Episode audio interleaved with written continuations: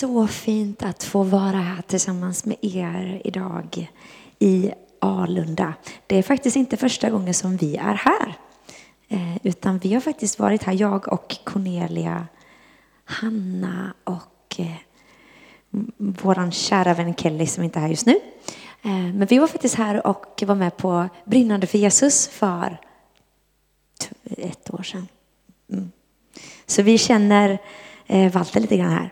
Eh, men vi är väldigt glada för att få vara här tillsammans med er igår och idag. Och eh, den här stunden nu kommer handla om eh, någonting som, som vi upplever att, att Gud har lagt på våra hjärtan och eh, kommer, vi kommer dela kring det som vi står i Eh, som är en rörelse som heter Hope for this nation. En del av er har kanske hört om det, andra har inte gjort det. Så jag tänker att jag ska säga någonting kort om, om vad vi faktiskt är för några som är här tillsammans med er. Um, Hope for this nation är en ekumenisk rörelse, en allkristen rörelse. Um, vi kommer från olika lokala sammanhang, vi är i olika åldrar, olika generationer och finns liksom planterade då i olika lokala sammanhang. Har upplevt ett gemensamt kall ehm, till att göra just det som vi får förmånen att göra de här dagarna här. Vi är en, vi är en stor grupp med människor. Idag så är vi typ någonstans runt tio stycken som är här. Ehm, men vi reser runt ehm, mycket i vårt land. Vi har varit i Norge en gång, men framförallt i Sverige så reser vi runt och samlar Guds folk på platser i städer för att komma tillsammans inför Guds ansikte. För att vi tror att han verkligen kan förvandla våra liv. Vi har mycket undervisning och vi är också ute mycket i evangelisation. Och eh, Cornelia kommer att säga något mer om evangelisationen också särskilt eh, som jag tror väldigt få i vårt team trodde någonsin att vi skulle göra. Eh, men mer om detta kommer. Men det är en underbar inbjudan ifrån Gud till oss att få vittna om Jesus.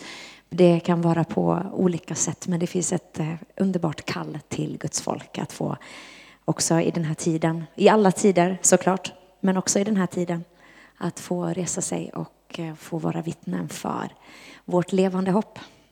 Så den här stunden nu så kommer jag eh, börja i en, eh, en ända där jag kommer tala om eh, Guds närvaro och om tillbedjan. Och i det som vi står i så är tillbedjan och tiden i Guds närvaro någonting som vi värderar enormt högt.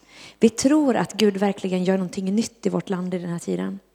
Vi tror att Gud verkligen rör vid Sverige och inte bara för att vi är jättepositiva människor. Alltså vi är positiva och glada, men det är inte vår egen tro som vi har lyckats pumpa upp så bra liksom, så att vi tror att, att Gud ska röra vid Sverige, utan det här är en tro som vi har upplevt hur Gud har märkt våra hjärtan med eh, och med en blick för att vi, vi verkligen tror på riktigt eh, att den här nationen ska få bli förvandlad av Jesus. Och eh, vi lever ju i någon typ av parallell här, liksom, som vi läser om Jesaja, liksom, att mörker må täcka jorden. Men över dig ska Herrens ljus, Herrens härlighet ska bli uppenbarad. Och vi lever i någon, någon form av den parallellen, är vår upplevelse också i den här tiden. Att mitt i, när vi bara ser vad som händer i Sverige, vi läser mycket rapporter. Det är mycket som pågår på många fronter. Och samtidigt globalt, det som vi bara ser just nu som också bara händer i Israel. Det är mycket som, som händer samtidigt i världen. Så är detta vår erfarenhet och vår upplevelse. Att Gud, han gör sitt verk mitt i allting som pågår. Så bryter hans rike fram. Och vi tror att det är viktigt och gott för oss som hans folk att be om hans perspektiv i den här tiden. För att vara uppmärksamma på vad Herren gör och också vad han faktiskt inbjuder oss som hans folk att få vara med och faktiskt spela för roll i den här tiden. För att vi har en tro på att eh, Gud, han också verkligen har ett kall till sitt folk att vi faktiskt tillsammans med honom och genom hans kraft faktiskt kan påverka vad som händer i världshistorien. Så det var just eh, stor tro här. Eh, men vi tror på en stor Gud. Och ehm, hans närvaro, som jag nämnde, det är någonting som vi tror är eh, det är någonting som vi, som vi värderar och värdesätter så högt i det som vi står i. För att vi tror att i Guds närvaro så händer det som är omöjligt. Eh, som inte kan hända liksom i en mänsklig närvaro eller i en människas närhet. Men i Guds närhet så tror vi att det händer saker som eh, bara kan hända där Jesus är upphöjd. För vad händer i närheten av Jesus? Det är upprättelse för människor, det är frihet för de fångna. Det är läkedom för de sjuka. Vi tror att, att platsen i Guds närvaro, att den på riktigt är mer än nog för oss. Vi tror att den guden som vi tillhör, att det här evangeliet som vi tror på, det här korset, att det är värt att dö för och värt att leva för. Och eh, vi ska läsa någonting från Psaltaren 63. Där David skriver, just det, jag ska ha koll på tiden också. Det är ju, annars kan det gå, annars kan det gå lång tid. Ehm, så står det så här i Psaltaren 63. Det är David som, som skriver. Och så står det så här, Gud, du är min Gud. Tidigt söker jag dig, min själ törstar efter dig, min kropp längtar efter dig i ett torrt och törstigt land utan vatten. Så söker jag dig i helgedomen för att se din makt och härlighet. Din nåd är bättre än liv. Därför ska mina läppar prisa dig. Jag ska lova dig så länge jag lever. I ditt namn ska jag lyfta mina händer. Min själ blir mättad som av feta rätter. Med jublande läppar lovsjunger min mun när jag minns dig på min bädd och tänker på dig under nattens timmar. Du är min hjälp. I dina vingars skugga jublar jag. Min själ håller sig tätt intill dig. Din högra hand stöder mig. Och så står det vidare här om att de som vill ta mitt liv ska gå under och så vidare. Men vi kan stanna här. Men den här längtan efter Gud som, som att törsta efter Gud i ett torrt och törstigt land utan vatten. I Guds närvaro så är det som att vi vaknar. Det är som att plötsligt så är det som att vi kommer till liv. Och det är jättemycket våra egna vittnesbörd. Att anledningen till varför vi står i det som vi står i. Vi har, eh, de, jag tror ungefär nästan alla av oss har eh, säkert vuxit upp i kristna hem. Eh, har säkert varit verksamma liksom på olika sätt i olika församlingar. Jag själv, jag har lett lovsång sen alltså, 20 år tillbaka i tiden. Och det vet jag inte om det, det får mig att känna mig eh, ganska gammal. Men ungefär så många år har jag lett lovsång och vuxit upp liksom i det här. Många av oss har funnits med i den typen av miljö och kontext. Men vi har haft erfarenheter med Gud, kanske de senaste åren, eller för mig personligen för åtta år sedan, där det var som att jag plötsligt vaknade. Det var som att jag plötsligt var som att jag såg för första gången. Fast jag hade trott på Jesus hela mitt liv. Jag var så härligt frälst innan det. Och jag var verkligen en person som, som berättade gärna om Jesus. Jag älskade Jesus. Men plötsligt var det ett möte med Gud, med hans kärlek. Som plötsligt var som att jag vaknade. För att det händer någonting när vi möter Gud som märker oss för alltid. Och det är det som vi har fått vara med om, att vi har fått ett, ett sånt möte med, med Herren, med hans kärlek, med hans närvaro på olika sätt. Vi har olika berättelser som kan ha att göra med frihet i våra liv, som kan ha att göra med identiteten i våra liv. På olika sätt har vi fått möta Gud på ett sätt som har förvandlat oss. Och så är det ju med när man möter Jesus, när man möter Gud så är man förlorad för alltid för detta enda. För att hans närvaro är mer än nog. Hans nåd är bättre än liv. Så att i det som vi står i så har vi mycket just tid inför Guds ansikte. Och det är någonting som vi tror verkligen är en plats där vi blir förvandlade. Det är som att ibland så... Jag brukar tänka så här och brukar förklara eller brukar, jag undervisar ganska mycket om tillbedjan. Och eh, någonting som jag skulle vilja säga just om tillbedjan, det är att jag tror att tillbedjan, det kan ha ett uttryck på så många olika sätt. Det kan vara, det kan vara genom musik. Det kan vara genom bön, det kan vara genom dans, det kan vara genom konst. Du kan uttrycka din lovsång och din tillbedjan på olika sätt till Gud. Men det som jag skulle ändå vill jag säga, att vad jag tror att det där handlar ytterst om, det är din överlåtelse till Jesus. Det är min överlåtelse till Gud. Mitt liv lagt på altaret för honom. Att det är den yttersta akten av tillbedjan. Att få ge tillbaka mitt liv till honom som har gett mig det från första början. Och få låta honom göra vad han vill med mitt liv, det som han har tänkt. Att låta hans härlighet få bli synlig genom våra små bräckliga liv. Tänk att Gud vill använda oss. Och han gör det. Och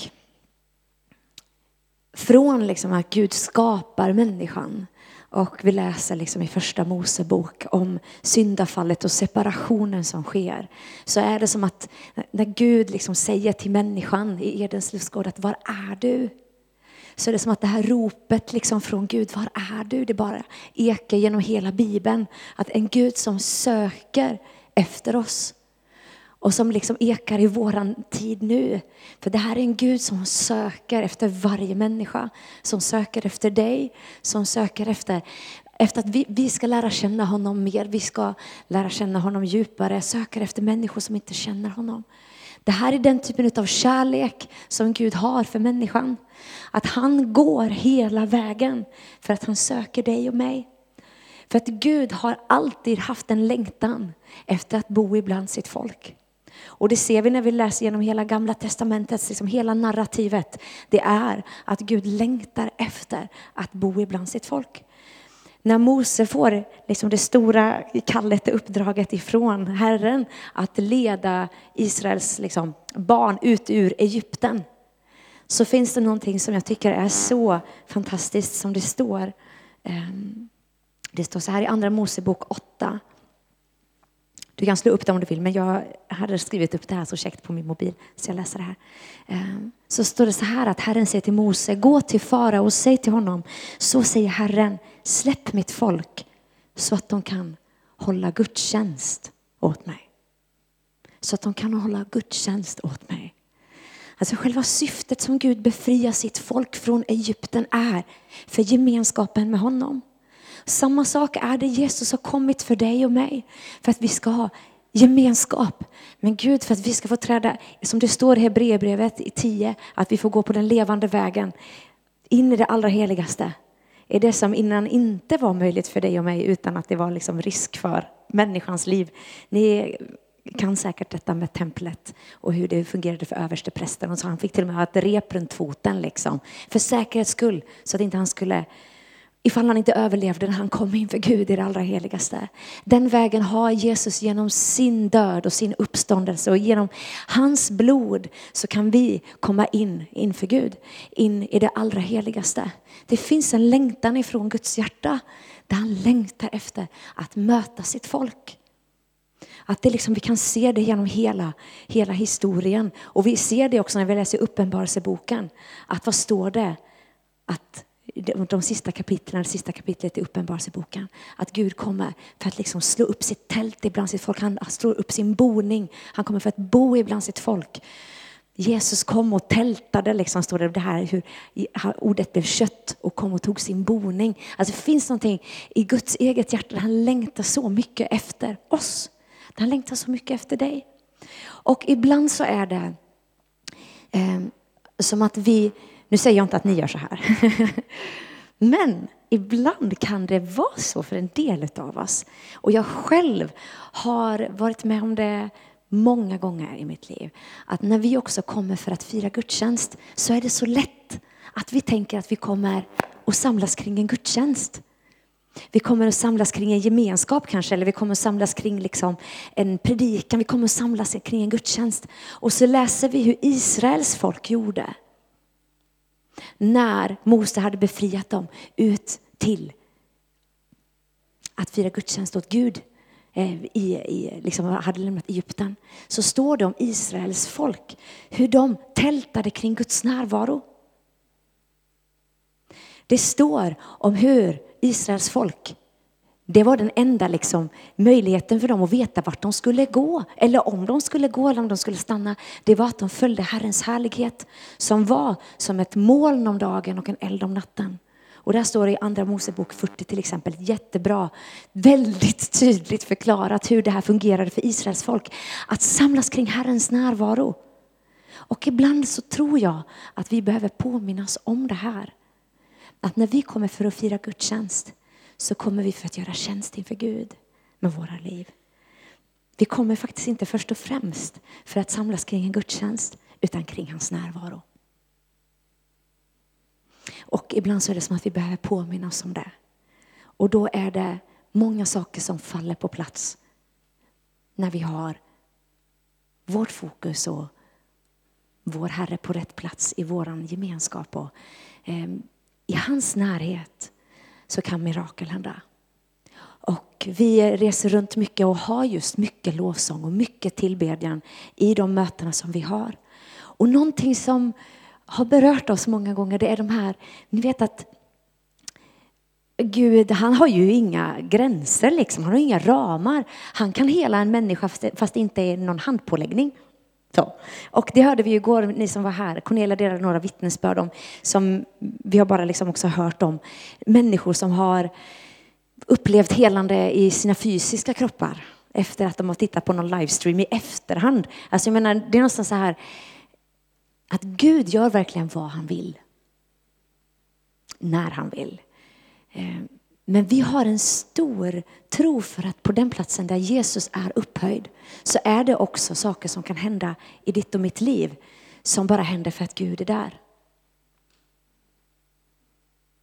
Och eh, det här just insikten om att vi kommer inför Gud för att göra tjänst inför honom.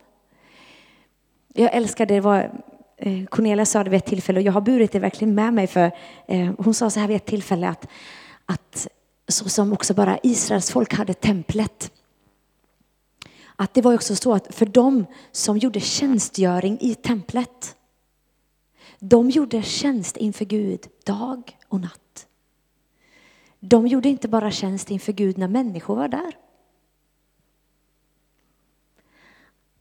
Och det säger, tycker jag, så mycket om att tjänsten görs framförallt inför Gud och inte inför människor. Det är underbart att få komma tillsammans. Det är så gott med ledarskap och det är, jag tycker det är viktigt att vara pastoral och allt detta. Men perspektivet av att vi lever våra liv inför Gud och att vi gör tjänst inför Gud med våra liv när vi kommer inför honom. Och när vi då gör, när vi har våra möten och, eh, har gudstjänster så har vi också stor tro för att, att vad som helst är möjligt. Och för till exempel, eh, eller bara ett exempel som är väldigt underbart just på detta för eh, ungefär två, två år sedan, tre år sedan kanske, så var vi på en plats i norra Sverige och vi hade eh, vi hade, ett, ja, vi hade lovsång och eh, det var så underbart för vi hade en kvinna som eh, hon satt längst fram och var verkligen härligt frälst. En eh, ledare i Guds församling. Liksom. Och hon satt i rullstol och hon hade med sig sin kollega. Och eh, mitt i, liksom, i lovsången, in i betjäningen av sjuka, så bara hör vi hur någon bara börjar ropa. Och vi undrar bara, vad är det som händer? Och så bara ser vi hur den här kvinnan plötsligt har ställt sig upp från sin rullstol. Och det som hände i det här ögonblicket för henne, det var att hon beskrev det. Att i, i lovsången så var det som att plötsligt så hade hon hade varit med om en olycka för, jag tror att det var 33 år tidigare. Så hade hon varit med om en olycka som hade, liksom, hade kapat nerverna i hennes rygg. Och eh, hon hade inte haft någon känsel liksom, i, i sina ben på, ja, jag tror att det var 33 år. Och det som hände i det ögonblicket, i lovsången, så hade hon plötsligt börjat känna hur det började gå som liksom strömmar genom kroppen.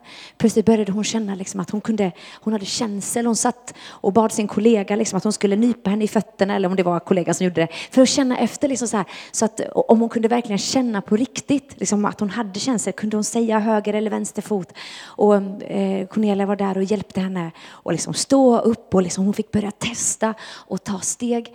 Och eh, den här kvinnan hon hade alltså varit förlamad i 33 år. Och eh, det som också bara hände i den stunden, hon hade dessutom varit eh, väldigt duktig inom så här Paralympics och hade liksom skjutit så här, ja, men bågskytte och hade eh, ja, men flera år tidigare, jag tror att det var typ sju år kanske tidigare, varit med om en olycka som, eller på något sätt överansträngt sig så att hon kunde inte längre använda sin ena arm heller. Så hennes vardag hade varit så väldigt begränsad för henne. Eh, och mitt i det här, när Gud rörde vid henne eh, under liksom lovsången och betjäningen av sjuka, så plötsligt så eh, frågar hennes kollega när hon står där, och plötsligt står liksom och ställt sig upp från sin rullstol och så ställer hennes kollega frågan, men hur är det med din arm förresten? Och så är det som att den här kvinnan plötsligt bara inser att bara, just det, min arm. Och så börjar hon vifta på sin arm. Så har hon blivit hel i sin arm dessutom. Och sen så var det så fantastiskt för att den här kvinnan eh, hennes kollega hade hållit i hennes byxor för att hjälpa henne liksom att stå upp för att ge, liksom, ge henne stöd. Eh, och hon hade haft ganska, liksom, oh, en byxorna sitt ganska löst. Eh, och det som hände under den här tiden när kvinnan liksom ställde sig upp och började ta steg, så plötsligt kunde inte kollegan längre ens ta tag i hennes byxor, för att det hade vuxit ut muskler. Och det här, att se det här hända, jag trodde att min hjärna nästan skulle sprängas faktiskt. Jag stod mest och skrek faktiskt tror jag. Det gjorde de flesta av oss. Men det här är, det här är vem våran Gud är. Det här är vad han gör. Och det finns så mycket vittnesbörd jag hade kunnat berätta bara vad som vi har sett händer i Guds närvaro. Men någonting som vi också har men precis som jag berättade att det här hände under lovsången eller om det var att någon bad för sjuka framifrån, jag kommer inte riktigt ihåg. Men bara i Guds närvaro. Och den här kvinnan också efteråt, det var så underbart för det. Eh, när vi skulle avsluta kvällen så var det en kvinna som kom fram och som var mötesledare och så sa hon någonting om Guds härlighet. Och den här kvinnan bara ropade, liksom, hon fick komma fram och vittna. Dessutom så bara sa hon att på något sätt ropade att, att vad tror ni det känns för mig då jag har varit i den? Så hade hon, det var hennes upplevelse av kvällen att hon hade fått vara i Guds härlighet. Ehm, men det här är någonting också av just det här med, med Guds närvaro. Att vet ni att det är inte bara frälsta människor som känner igen Guds närvaro. Vi har börjat göra någonting som eh, vi, eh, det, jag tänkte säga att det var ett experiment, men det var det ju inte. Utan vi, vi hamnade liksom i det här som Cornelia kommer berätta mer om, med evangelisation.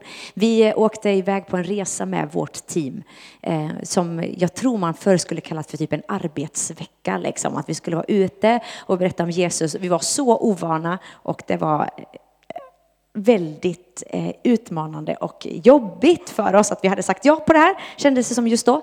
Men vittnesbörden från den här veckan var helt fantastiska, verkligen. Vi fick se 14 människor bli frälsta under den veckan och det var så fantastiskt. Men en sak som hände bara under den tiden, det var att det var första gången som vi hade lovsång eh, ute liksom bland människor som inte tror på Jesus. I alla fall på ett sånt sätt. Eh, och vi märkte väldigt snabbt att människor plötsligt bara drogs till platsen. Och eh, en av de första liksom, mötena som vi hade med en man som, då hade vi inte ens eh, högtalare den gången när han var där, utan vi hade bara akustisk lovsång. Eh, och den här mannen, varje gång som vi höll på att avsluta lovsången så var det som han blev så upprörd. Han kom fram till oss och bara sluta inte, sluta inte. Och vi bara, vi bara kände oss nästan tvingade att fortsätta liksom, så vi fortsatte. Och sen till slut så kom det fram, han hade säkert stått där, jag vet inte hur länge, var det kanske en och en halv timme eller någonting. Så ni kan ju förstå hur länge vi höll på. Men då i alla fall så, så sa han det att jag har allting som man kan tänka i den här världen. Jag vet inte hur många båtar han hade, jag vet inte hur många hus han hade, hur mycket pengar han hade. Men så sa han, men jag har inte känt glädje på, jag tror det var så 15 år. Och det känner jag på den här platsen, så ni får inte sluta. så vi fortsatte nog ett tag tror jag. Och där insåg vi, när vi hörde honom, så insåg vi på vilket sätt som Guds närvaro bli märkbar för människor som inte känner Jesus.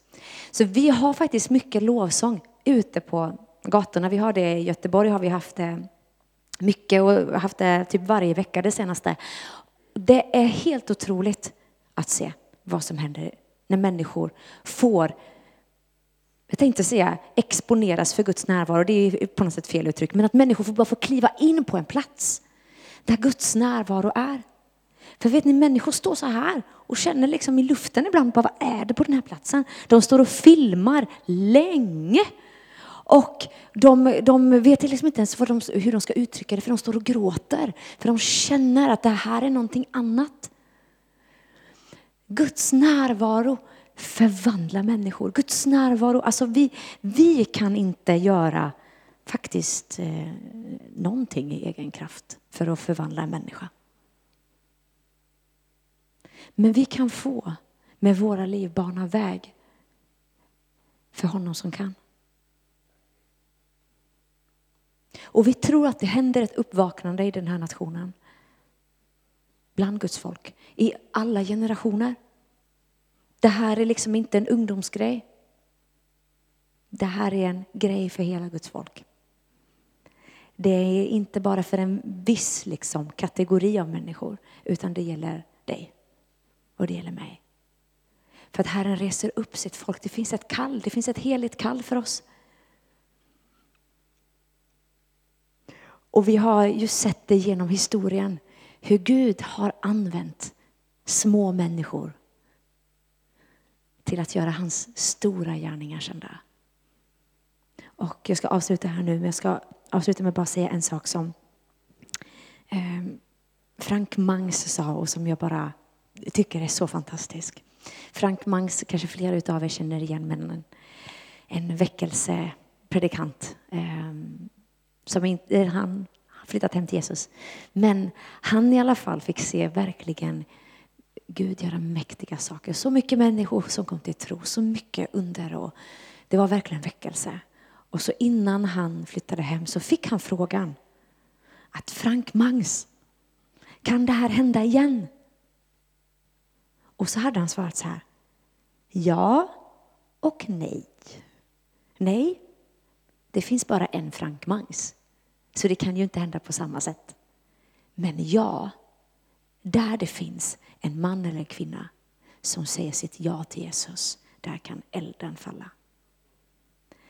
Och det gäller dig och det gäller mig. Att där det finns ett ja ifrån ditt och mitt liv, där det finns människor som är redo att säga sitt ja till att följa. Som vet om att, för så här är det, det finns ju ett pris. Det kostar oss allt. Men det finns ingenting som kan jämföras med det som Gud ger oss. Det finns ingenting, att, att ens göra en jämförelse, det, blir, det känns liksom litet att ens försöka göra någon typ av jämförelse. För det som det kostar oss kommer i jämförelse med det som Gud ger oss vara så litet. Men där det finns ett ja ifrån dig och mig så finns det en respons ifrån himlen. Och nu kommer jag lämna över till Cornelia.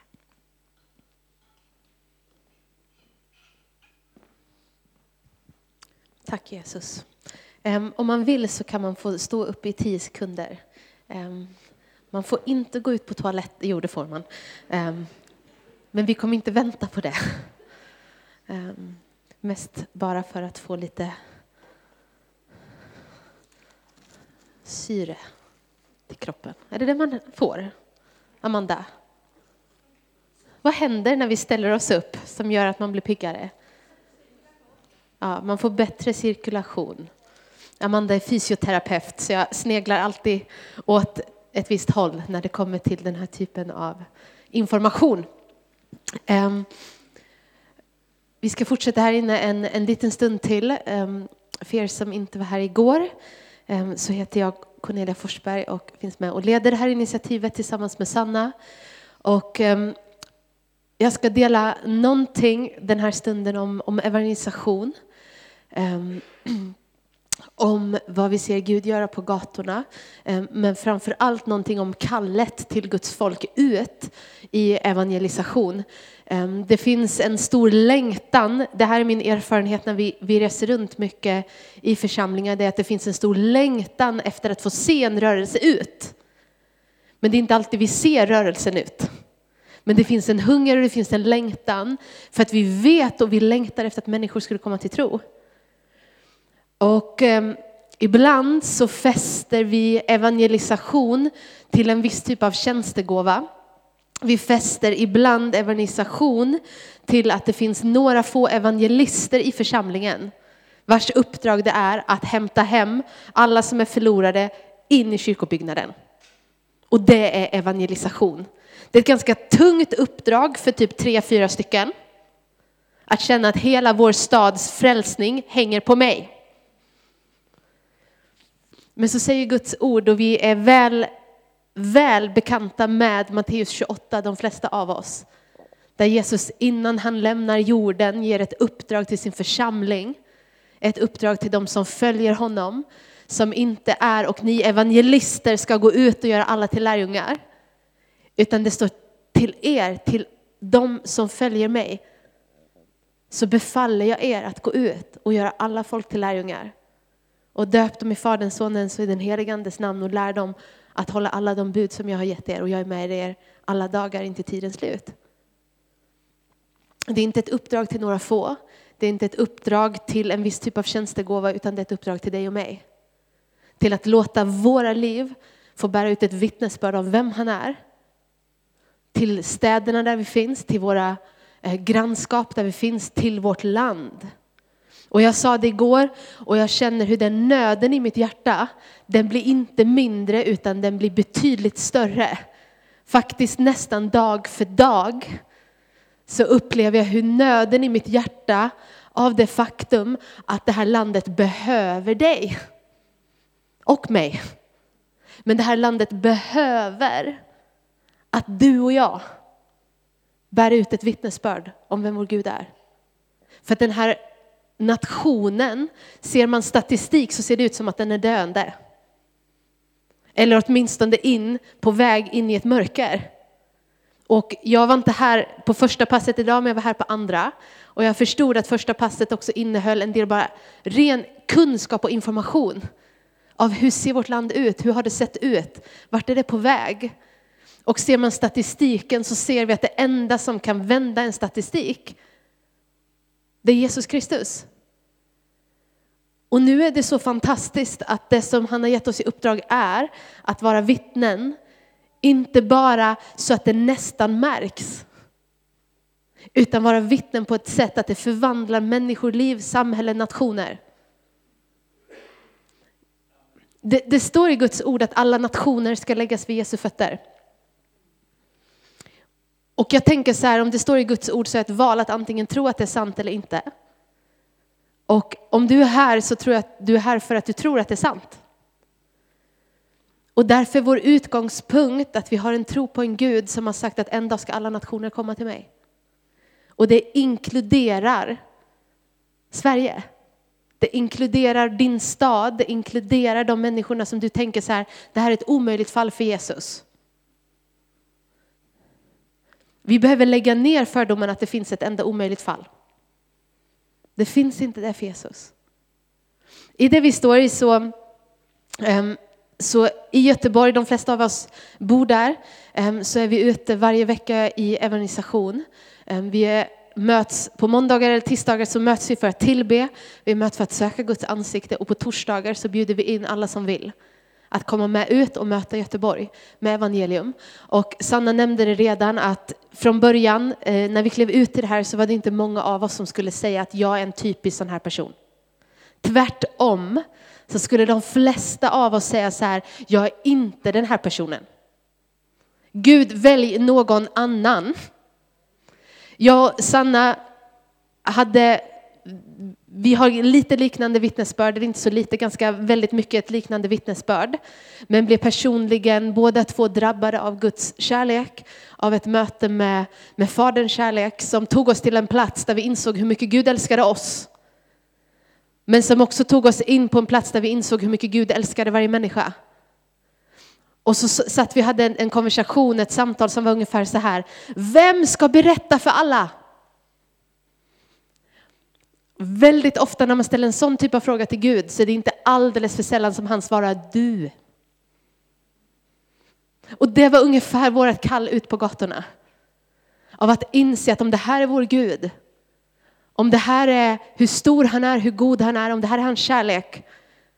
om den kan väcka mig som redan tror på det här sättet, hur mycket kan han inte leda den som sitter i evigt fördärv? Som är på väg åt ett evigt fördärv till frälsning, till liv. Så vi började gå ut. Jag vet inte i hur stapplande steg det var, alltså jag var så nervös. Jag har varit så nervös. Och om du tänker, hon var nog bara lite nervös. Nej, det var jag inte. Jag var väldigt nervös. Så där nervös att man väljer fel ord, så där nervös att man sitter kvar alldeles för länge så att man missar personen man har tänkt att prata med för att de har redan hunnit handla och gå hem.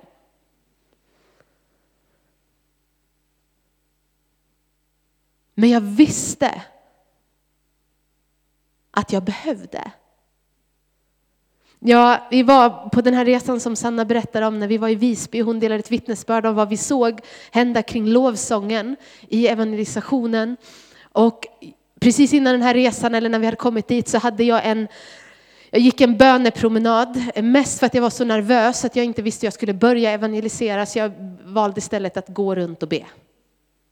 Ibland så ska man gå runt och be, men ibland så är det en täckmantel.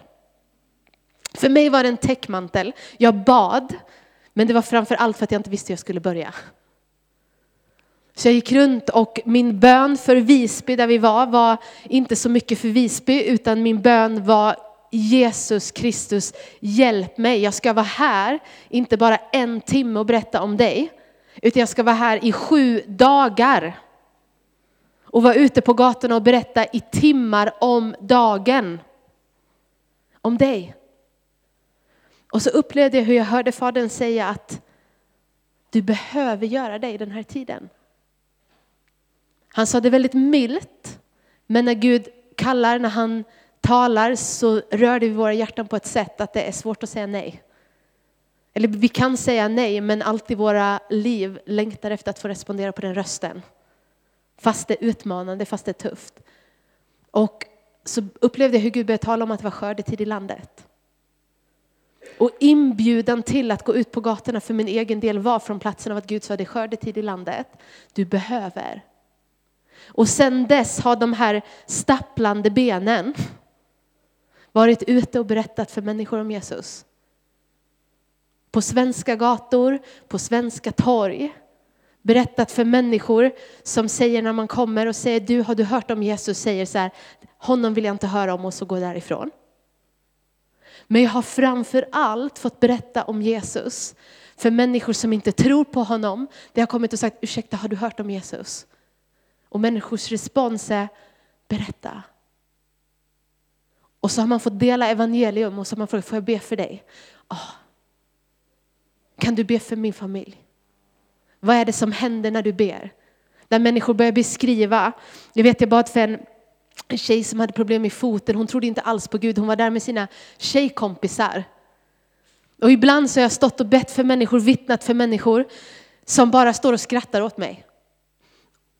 Och då har jag valt att inte bli, um, tycka att det är jobbigt, utan snarare tänk, brukar jag säga till dem ungefär så här, jag fattar att du skrattar, det här är jättemärkligt, fortsätt skratta, det går bra. Du tror ju inte på Gud och nu ska jag be till en Gud som du inte tror på. Det är klart att du tycker det är konstigt. Men nu ska du få se någonting. Och så var det en tjej som stod med sina kompisar, hon var kanske 16-17, eh, hade problem med sin fot. Och jag sa, är det okej okay om jag ber för din fot? Och alla skrattade igen, fortsatte och bara, oj, testa du. Och så sträckte hon upp sin fot ungefär så. Och så började jag be, jag kommer inte ihåg om jag ens la min hand på hennes fot, men jag började be. Och så började hon så här, det är kolsyra i foten! Det är kolsyra i foten! Jag vet inte om Gud helar med kolsyra. Ehm, jag tror inte det. Men det var hennes sätt att beskriva att det är någonting som sker i min fot och hon blev hel. Och det blev ett vittnesbörd för den här gruppen av människor. Vi hade ett annat tillfälle. Ehm, det var också faktiskt när vi var på Gotland. Ehm, och det kom en hel grupp av ungdomar, de var typ 20 stycken eller någonting sånt där. Och vi tänkte att oj vad många som kommer samtidigt, vad smidigt. Så någon av oss, jag tror det var jag eller om det var Isak, ropade ut att så här, vi är här och berättar om Jesus. Tror ni på Gud? Och så hade vi plötsligt en liten minigudstjänst på torget. Och så fick vi dela kort om vem Jesus var och så frågade vi någon som har ont och så var det en som alla pekade på. Ibland när man frågar så här, är det någon som behöver få förbön? Så tittar alla i kompisgänget på en person så här. Och oftast är det inte den personen själv som ger sig till känna, utan det är allas blickar som är så här. Och så säger de, ditt knä. Och då var det en i, i det här gänget som Eh, han hade en allvarlig knäproblematik där han behövde operation. Det var någonting med hans disk. Ehm, eller menisk kanske det är, framförallt i knät. ja, tack Amanda. Eh, det sitter ingen disk där va? Nej. Då hade det varit ett allvarligt problem. I hans menisk. Ehm. Så alla tittade på honom. Och så sa jag, får vi be för dig? Och så böjde, jag tror det var jag och Isak, jag kommer inte ihåg det, Isak är en i vårt team, han är inte här just nu, men ehm, så böjde vi oss ner, la våra händer på hans knä. Och så var han hel. Och hela den här kompisgruppen bara stod och tittade. Och jag insåg att nu har ett, jag var lika, det här var ganska i början av att jag var ute på gatorna på det här sättet. Så jag var minst lika chockad som dem över vad vi stod i. Och samtidigt så var det jag som hade sagt att Gud kunde göra det här så jag var tvungen att hålla masken lite. Men man bara, Gud va? Han är hel, vad ska jag göra nu? Och jag bara inser att här står det 20 ungdomar som bara står och tittar så här i en halvcirkel omkring mig. Så jag bara så här, vad gör man nu? Så jag bara, okej, okay, det här är Jesus som har helat honom. Är det någon här som vill ta emot Jesus? Då är det tre eller fyra händer som går upp på ett torg i Visby. Och jag är lika mycket, alltså ännu mer chockad vid det här laget. Bara, vad, vad har precis hänt? Han blev hel i sitt knä och nu är det en frälsningsinbjudan och folk blir frälsta. Och så fick vi koppla dem vidare till den kyrka där de var ifrån. Och jag är inte den personen som trodde jag skulle göra sånt här. Och nu kanske du tänker så här, jag tänker aldrig någonsin ställa mig på ett torg och ropa sådär. Vet du att det är helt okej? Okay? För att evangelisation är inte torgmöten. Evangelisation är inte ens en och en halv timme en torsdag kväll. Evangelisation är inte när ungdomsgruppen går ut och delar ut kaffe. Det är också evangelisation. Men det är inte förminskat till bara de tillfällen, utan evangelisation är att ditt liv kan få bära ett vittnesbörd till människor som inte känner Jesus. Ibland så tror vi att evangelisation kräver en evangelisationsträning, ett steg ett, två, tre. Så här evangeliserar du. Jag har inte gått den skolan och jag har fortfarande inte då lärt mig den i så fall. Men det jag har sett om evangelisation är det här enkla. Att du och jag som tror på Jesus, vi har fått ett kall att överallt där vi går fram vara ett vittne. Inte ett vittne i egen kraft utan i andens kraft, står det i Apostlagärningarna 1 och 8, ska du bli ett vittne. Vilket gör att när du går på ICA så kan ditt liv få vittna. Jag har börjat, gjorde för några år sedan, började berätta för den som jag köpte mat av att Jesus älskar dem. Och så tänkte jag så här, det här kan bli pinsamt. Faktiskt i evangelisation, ibland har det blivit lite pinsamt. Vet du att det är okej? Okay? För Guds ord säger att du ska inte hamna på skam. Och så har jag berättat att Jesus älskar dig i förbifarten. Och väldigt många gånger så har responsen inte varit så här, oj vad konstigt, utan de flesta säger tack. En del börjar gråta. Ibland är responsen så här, berätta mer. Jag, var, jag har berättat det flera gånger, men det är för att jag borde ha gjort den här situationen annorlunda. Men jag berättade för henne i kassan att Jesus älskar dig. Och så stod jag och hade bråttom iväg med mina eh, ICA-kassar. Min farfar var ICA-handlare så jag handlade mest på ICA. Men det går jättebra om du handlar någon annanstans. Det sitter i liksom. Ja. Så jag gick iväg och hade bråttom iväg med mina ICA-kassar. Jesus älskar dig. Och så var hennes respons så här, va? Kan du berätta mer? Hur ber jag? Vad kommer han svara mig när jag ber? Och jag borde ha stannat. Jag borde ha stannat. Men Jesus skickar någon annan i hennes väg. Men jag gick iväg och så sa jag, bara fråga honom så märker du. Jag borde ha stannat. Men hennes respons. Va? Hur? Hade en annan, jag gjorde samma sak på en annan ICA-butik. Där jag fick höra genom en vän till mig som var vän med henne, men jag visste inte att de var kompisar. Så hon i ICA-butiken hade kommit till min vän och sagt, du jag träffade din vän. Hon var och handlade av mig på ICA. Och anledningen varför hon visste vem jag var för att hon hade sett mig på den personens sociala medier. Och sa, hon sa det här till mig. Och det hände någonting i mig. Hon var inte frälst. Hon hörde ett, Jesus älskar dig, nu tar jag min Ramlösa och går härifrån. Evangelisation behöver inte vara svårt, det behöver inte vara ett torgmöte. Jag tror på torgmöten, vi har ju dem. Men det behöver inte vara det, utan evangelisation är att Guds barn vittnar om vilken god far de har. Vilket gör att när du möter en människa i behov och du känner honom som du vittnar om, så vet du att du här, du har ett behov och jag känner han som kan ge dig allt du behöver. Det är evangelisation. Evangelisation är inte vältalighet. Vet ni att jag har vittnat och predikat och jag har tänkt efteråt att bara varför sa jag sådär? Och så har Guds ande ändå gjort någonting. Jag märker att evangelisation för många är en barriär att berätta om Jesus för du tror att du inte kommer göra det bra. Bara säg Jesus då. Bara be.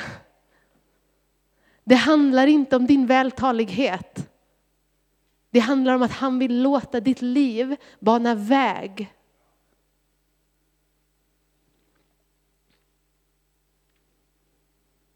Jag har hört så mycket vittnesbörd om de mest tafatta evangelisationsförsöken och människor har kommit till tro. Vi har haft några i det vi står i, jag har delat det här många, många gånger. Det här är inte ett tafatt försök alltså, det som jag vittnar om nu. Men vi har haft två stycken som, som kom och var, var med oss i vår, um, kring vår torsdags evangelisation i Göteborg. Och de kom från en församling där vi hade varit och vi hade pratat om just evangelisation. Och de kom till oss med ett bultande hjärta av att vi upplevde att anden sa att vi behövde komma hit. Och sen började de förklara varför de inte var människorna som borde vara där. De upplevde sig själva vara typiskt urtypen av en människa som inte skulle evangelisera. Men de upplevde ändå andens maning i deras hjärtan. Så anden hade tydligen en annan väg. Och så den första gången så var de med, mig och Sanna, de gick tillsammans med oss ute på gatorna och efter första torsdagen så var de så här, wow, det går till och med att säga hej till någon. De var helt tagna av att det går att prata med människor i Sverige. Det hade inte ens att göra med evangeliet, utan bara det att det går att öppna munnen och säga hej. Utan att någon undrar, vad gör du? Och sen har de varit, var de med flera gånger, de började få se någon som blev hel i sin rygg, någon som var med om någonting.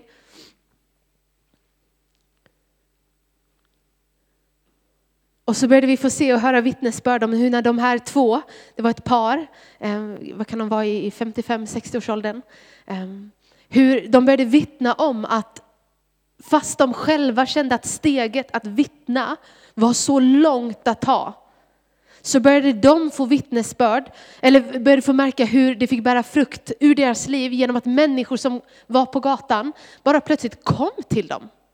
Alltså de sa ingenting, de sa inte namnet Jesus, de hade ingen skylt, här är jag, jag vill be för dig. Ingenting, utan de bara stod på Kungsportsavenyn i Göteborg. Rak, långa, så här. Och väntade på Sanna som skulle köpa glass. Det är faktiskt sant. Sanna köper mycket glass. Och det är många av oss som gör. Så de stod och väntade och så plötsligt hade två personer kommit fram till dem där de bara stod stilla, tysta. Hade två kommit fram och sagt så här, aj jag har så ont i ryggen. Människor som inte tror på Jesus hade gått fram till två främmande människor och sagt, aj jag har så ont i ryggen. Det är Guds nåd. Och de sa ungefär så här, ja men vi tror på Gud, kan vi be för dig? Du vet, Gud hedrar ditt ja. Två personer som inte vet hur man ska ta steget ut att börja vittna. Gud hedrar det jaet att de ens har satt sina fötter på Kungsportsavenyn. Och ställt sig till Guds förfogande. Och sagt Gud, här är jag. Så att han till och med i sin nåd sänder människor som de kan evangelisera för.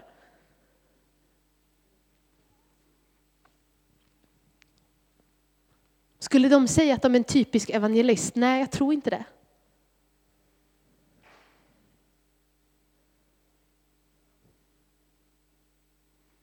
Men jag vet att Gud mäktigt kan använda deras liv i det som är evangelisation.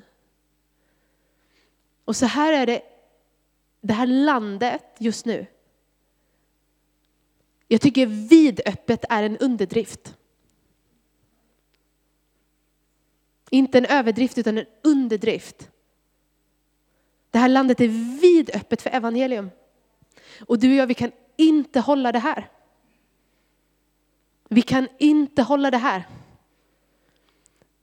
Vi bär på hoppet för nationen. Vi bär på hoppet för deras liv, på hoppet för deras frälsning, på hoppet för deras familjes upprättelse.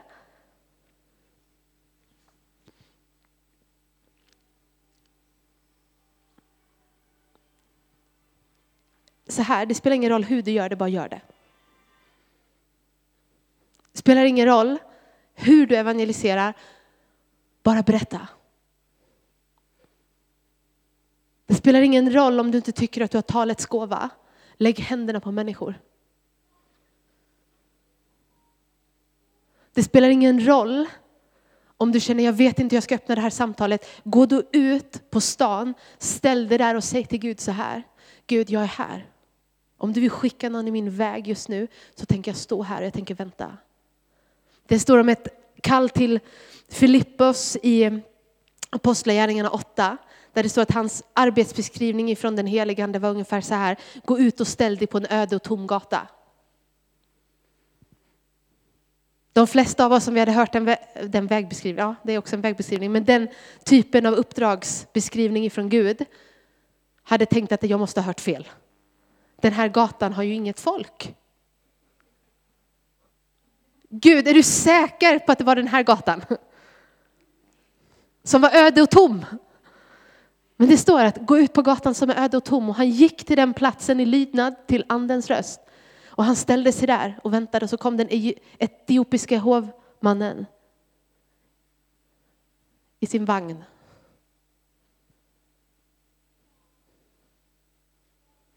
Och så slutar det med att han ger sitt liv till Jesus och blir döpt. Så att om du så går ut och ställer dig på en öde och tom gata, så gör det.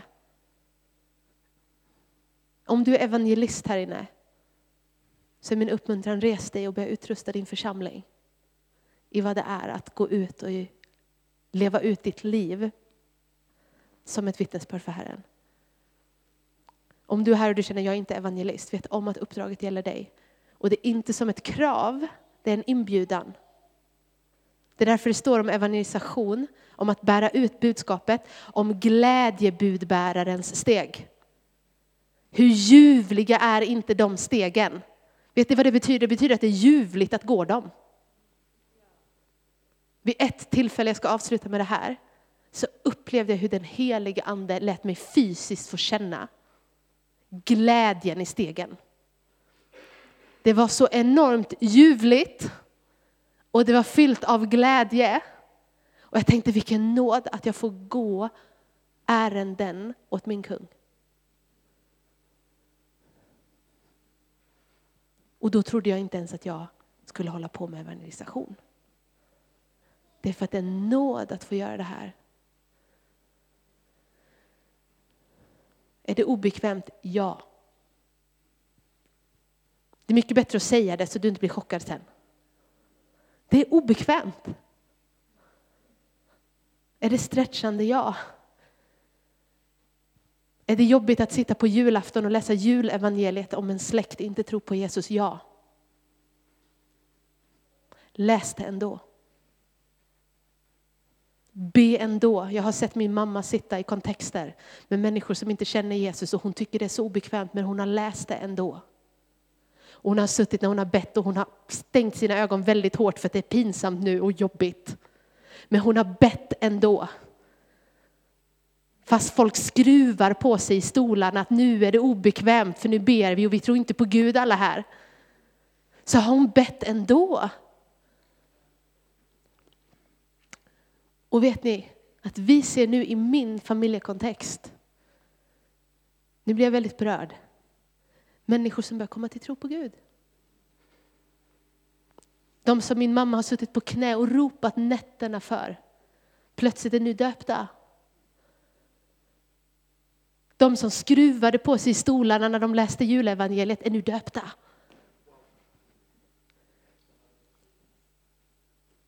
Min mamma håller på med evangelisation på julafton. Min mamma håller på med evangelisation på gymmet. Min mamma som inte trodde att hon någon gång skulle få lägga händerna på en sjuk och se dem bli friska. Har bett för arbetskollegor som kommer veckan efter och säger att jag är hel. Och hon är typisk en sån som aldrig skulle vilja gå på en evangelisationssatsning. Men Gud kan använda henne. Nu ska jag avsluta, annars så kommer ni inte tillbaka klockan sex när vi har nästa möte. Um, Olivia ska få avsluta den här samlingen med att, dela några ord. Um, och sen kommer vi göra så efter um, att Olivia har, har delat så kommer vi göra så att vi avslutar den här samlingen här inne Ehm, där det finns möjlighet att gå ut. Det kommer vara mat klockan fem och sådär. Ehm, men vi kommer vara ett gäng, eller hela vårt team egentligen och säkert några till härifrån församlingen som är förberedda att vara förebedjare. Vi kommer dröja kvar här framme, eh, redo att betjäna dig om det finns någonting av det som Sanna har sagt, som jag har sagt eller det som Olivia kommer säga ehm, som bara har berört ditt hjärta, som du längtar efter förbön för, så vill vi så gärna betjäna dig och ge det utrymmet. Så vet du det att vi kommer dröja kvar. Ehm, och erbjuda det. Yes.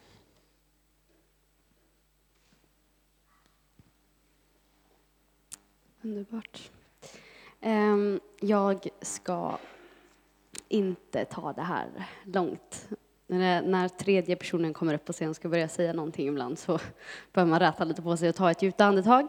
Ehm, ibland så säger jag att jag ska hålla mig kort och så gör jag inte det, men nu ska jag verkligen göra det. och jag vill egentligen mest bara be tillsammans med oss. Eh, jag ska läsa ett ord. Ehm, men att bara få be det här som vi dels har hört idag och sen att vi vet att ni har hållit på i en hel vecka nu eh, snart.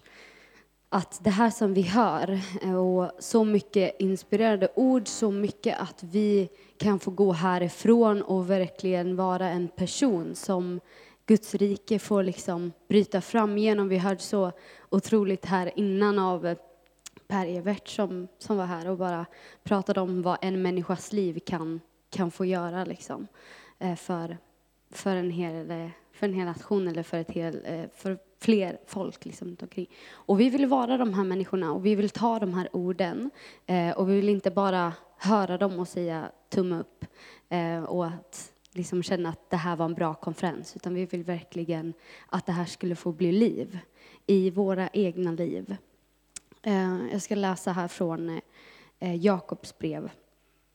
Och eh, jag tror att vi alla har hört det här ordet många gånger, men jag blev så påminn om det här innan. Jakobs brev 1 och kapitel 1, vers 22 och fram. Var ordets görare, inte bara dess hörare, annars bedrar ni er själva. Om någon är ordets hörare men inte dess görare liknar han en man som ser sitt ansikte i en spegel. När han har sett sig själv och gått sin väg glömmer han genast hur han såg ut. Den som däremot blickar in i frihetens fullkomliga lag och blir kvar i den, inte som en glömsk hörare utan som en verklig görare, han blir salig i det han gör. Ska vi läsa första bättre igen? Var ordets hör, görare, inte bara dess hörare, annars bedrar ni er själva. Och en sån här dag, vi, alltså Cornelia sa det lite nu också, men en sån här dag vi kan sitta i bänken, och jag vet, jag har gjort det här så många gånger. Eh, ibland är det liksom som, som några saker som gör att vi, vi hör det, men sen så när, det, när vi verkligen kommer ut i våra, i våra vardagliga liv så är det inte som att det blir till, eh, till liksom riktig eh, praktik. Och jag tror att antingen så man kan sitta och så, så kan man bara, det här var ett så bra ord, och vad jag tar med mig av det här. Eller så är man ung så uttrycker man det kanske på ett sätt och man tycker att det här var galet bra och vi bara kör liksom. Eller så är det ett vilket gott ord pastorn det var idag. Eh, och så hör vi alla de här otroligt inspirerande orden. Och sen så är det som att man lämnar det där med att det bara var ett gott ord. Och så går vi med det i, liksom, i minnesbanken. Jag vet inte vad det är. Men, men vi tar med oss det. Och bara, ah, det där var bra. Jag minns tillbaka på den här konferensen som där delade någon ett riktigt bra ord. Men så var egentligen tanken att det där ordet skulle bli praktik i våra liv. På riktigt, på riktigt. Eller så sitter vi och så tänker vi att så här, med vissa personer som där vi märker att frukten är stor i deras liv, eller de gör mycket för Guds rike och de ser mycket hända i praktiken. Och så är det som att vi sitter, alltså jag vet det själv, jag säger inte att det här är du, jag säger att det här är jag. Um, men kanske också du, om du känner igen dig. Att man bara, den, den där personen måste för, ha fötts med ett traktat i handen. Eller de där personerna, de har varit brinnande sedan de föddes, ungefär. Men sen så glömmer vi att det, att det fanns för så många av dem som vi ser stor frukt komma ifrån deras liv, att där fanns många små beslut och många böner inför Herrens ansikte om Gud. Låt det ske genom mitt liv. Gud, jag lägger undan det här för att få springa med det som du har sagt. Som har praktiskt valt att låta det här bli praktik i deras liv och inte bara låter det bli någonting som de hör. Och jag, jag skulle kunna börja gråta när jag tänker på, när jag, när jag tänker på vad, vad som skulle kunna hända med Guds folk om vi gjorde allt det som vi hör. Om vi tog allt det till hjärtat och verkligen tog det ut också i våra händer och fötter och gjorde någonting med det. Vad som skulle hända med våra sammanhang, med våra församlingar, med, med våra städer och med vår nation. För att jag vet att det är möjligt. Men det krävs att vi inte bara tänker att det här gäller någon annan, eller den som är brinnande och den som springer med det här väldigt frimodigt och gör det i sin praktik. Det är, inte, det är inte bara att den föddes sån. Det här gäller lika mycket mig som det gäller den personen. Det här är inte bara ett ord till vår församling i allmänhet. Det här är ett ord till mig. Och hur kan det få påverka mig? Gud, förvandla mitt hjärta. Gud, hur kan det här se ut i mitt liv? Och vi ska be nu. För annars kommer jag fortsätta hur länge som helst. Ehm, för det här är så, det här ligger på mitt hjärta som inget annat nästan. Det här är essensen av mitt vittnesbörd när jag mötte Gud. Så var det det här som jag vaknade till att få, få verkligen, jag hade en sån nöd för att Guds folk och jag personligen också skulle få inse vem Jesus verkligen är. På riktigt, på riktigt och se vad vårt uppdrag verkligen är. Så jag brinner för det här, men det kommer inte hända någonting om jag fortsätter stå här och prata, utan det som kommer hända, det, det enda som kommer göra någonting åt saken, det är Guds ande som får förvandla oss. Så nu ska vi be tillsammans.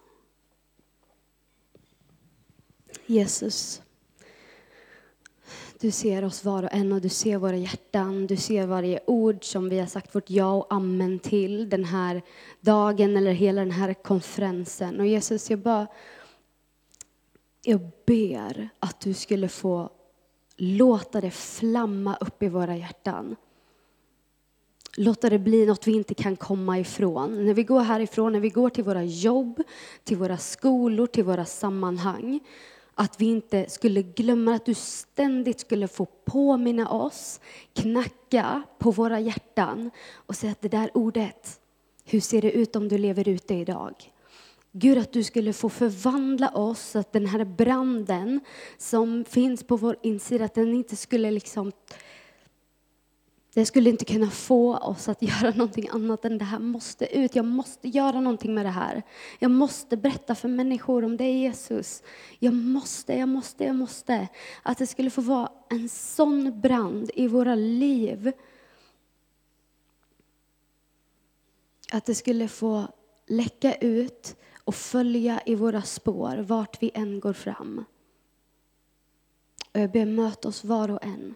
Heligande den här dagen.